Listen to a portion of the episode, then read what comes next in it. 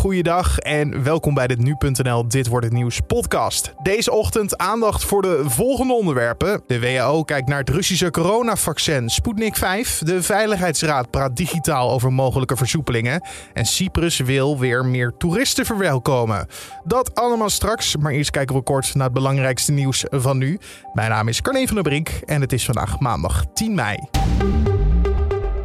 Ook de laatste bewoners van de ontruimde wijk Punter in Lelystad kunnen terug naar huis. Zaterdag moesten inwoners van zo'n 80 woningen hun huis uit nadat er een benzineachtige stof was gevonden in het riool. Gisteren mocht iedereen weer naar huis, maar werd de stof nog een keer gevonden. Daardoor moesten 50 mensen opnieuw hun huis uit. Mensen in de wijk klaagden over hoofdpijn en deze bewoner zegt bij Omroep Flevoland dat ze geen fijn gevoel had bij de ontruiming. Nou, ik vond het best wel angstig, ja. Nou, omdat je hoort dat iedereen Ja, weg moet. moet. En dat die brandweer vanochtend voor de deur stond van wat doet u hier? Van, dan denk ik, ja, dan klopt er toch iets niet. Nee. Volgens de brandweer is alles nu weer veilig. Om wat voor stof het precies gaat, is nog altijd onduidelijk. Het RIVM doet onderzoek.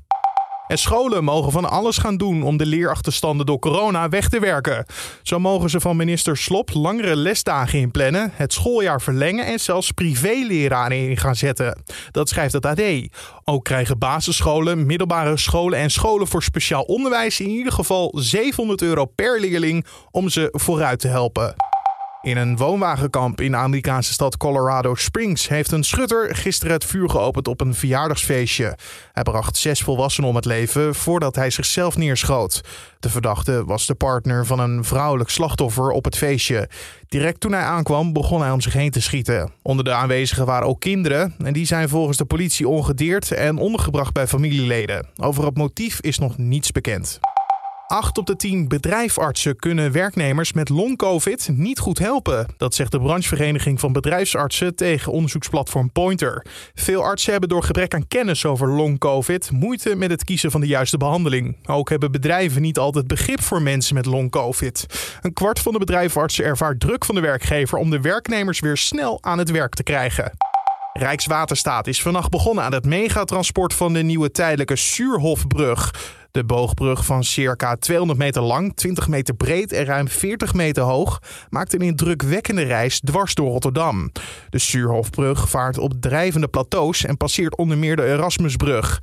De huidige brug wordt gerenoveerd en krijgt er nu de tijdelijke brug naast, die de komende jaren de toenemende verkeersdrukte moet helpen opvangen. Zaterdag moet hij volgens de planning aankomen.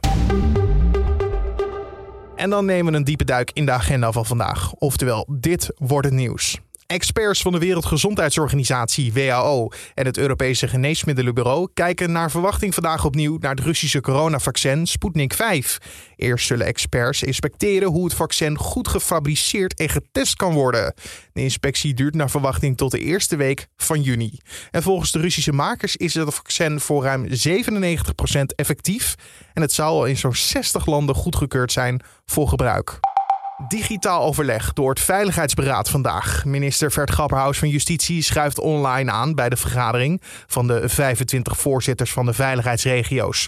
Op de agenda staan de maatregelen die horen bij de nieuwe tweede stap van het openingsplan. Dinsdag wordt er naar verluid een besluit genomen over de eventuele verdere versoepelingen. Dat werd zondag bekend na het katshuisoverleg. Mocht er besloten worden tot verder versoepelen, dan zullen dierentuinen, pretparken en sportscholen meer vrijheid krijgen vanaf volgende week 18 mei. Alles is echter wel afhankelijk van de ziekenhuiscijfers. En mocht je echt niet meer kunnen wachten om op vakantie te gaan naar het buitenland, dan maakt Cyprus het wat makkelijker voor je. Vanaf vandaag hoef je daar namelijk niet meer in quarantaine na aankomst. Wel moet je een coronavaccinatiebewijs of een negatieve test van maximaal drie dagen oud kunnen overhandigen.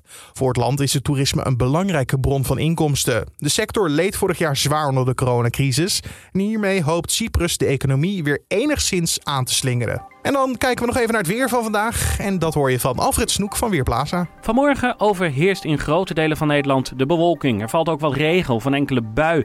Maar in de loop van de dag neemt het aantal buien af en geleidelijk aan krijgt de zon weer meer ruimte om door te breken. Steekt wel een stevige zuidwestenwind op, aan zee zelfs een volle windkracht 6.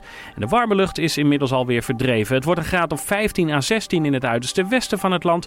En misschien nog zo'n 20 of 21 graden op de grens met Duitsland. Dankjewel Alfred Snoek. Van Weerplaza. En om af te sluiten nog even dit. In Kenia is de oudste begraven mens in Afrika gevonden. De overblijfselen zijn van een kleuter die met het hoofd op een kussen lag. Naar schatting was het kind rond de drie jaar oud en leefde zo'n 78.000 jaar geleden. De ontdekking is bijzonder, omdat overblijfselen die goed bewaard zijn gebleven zeldzaam zijn in Afrika. De fonds kan daarom nieuw licht werpen op hoe volken in de midden-steentijd omgingen met de doden. Ja, met dit gezellige nieuws sluiten we deze podcast ook af voor deze 10 mei. En je kan ons natuurlijk vinden in de ochtend en middag op de voorpagina van nu.nl en je favoriete podcast app. Spotify, Apple Podcast of Google Podcast. Vergeet je niet te abonneren, het is gratis en zo mis je geen aflevering. Mijn naam is Carne van der Brink. Heel erg bedankt voor het luisteren en maak er een mooie week van.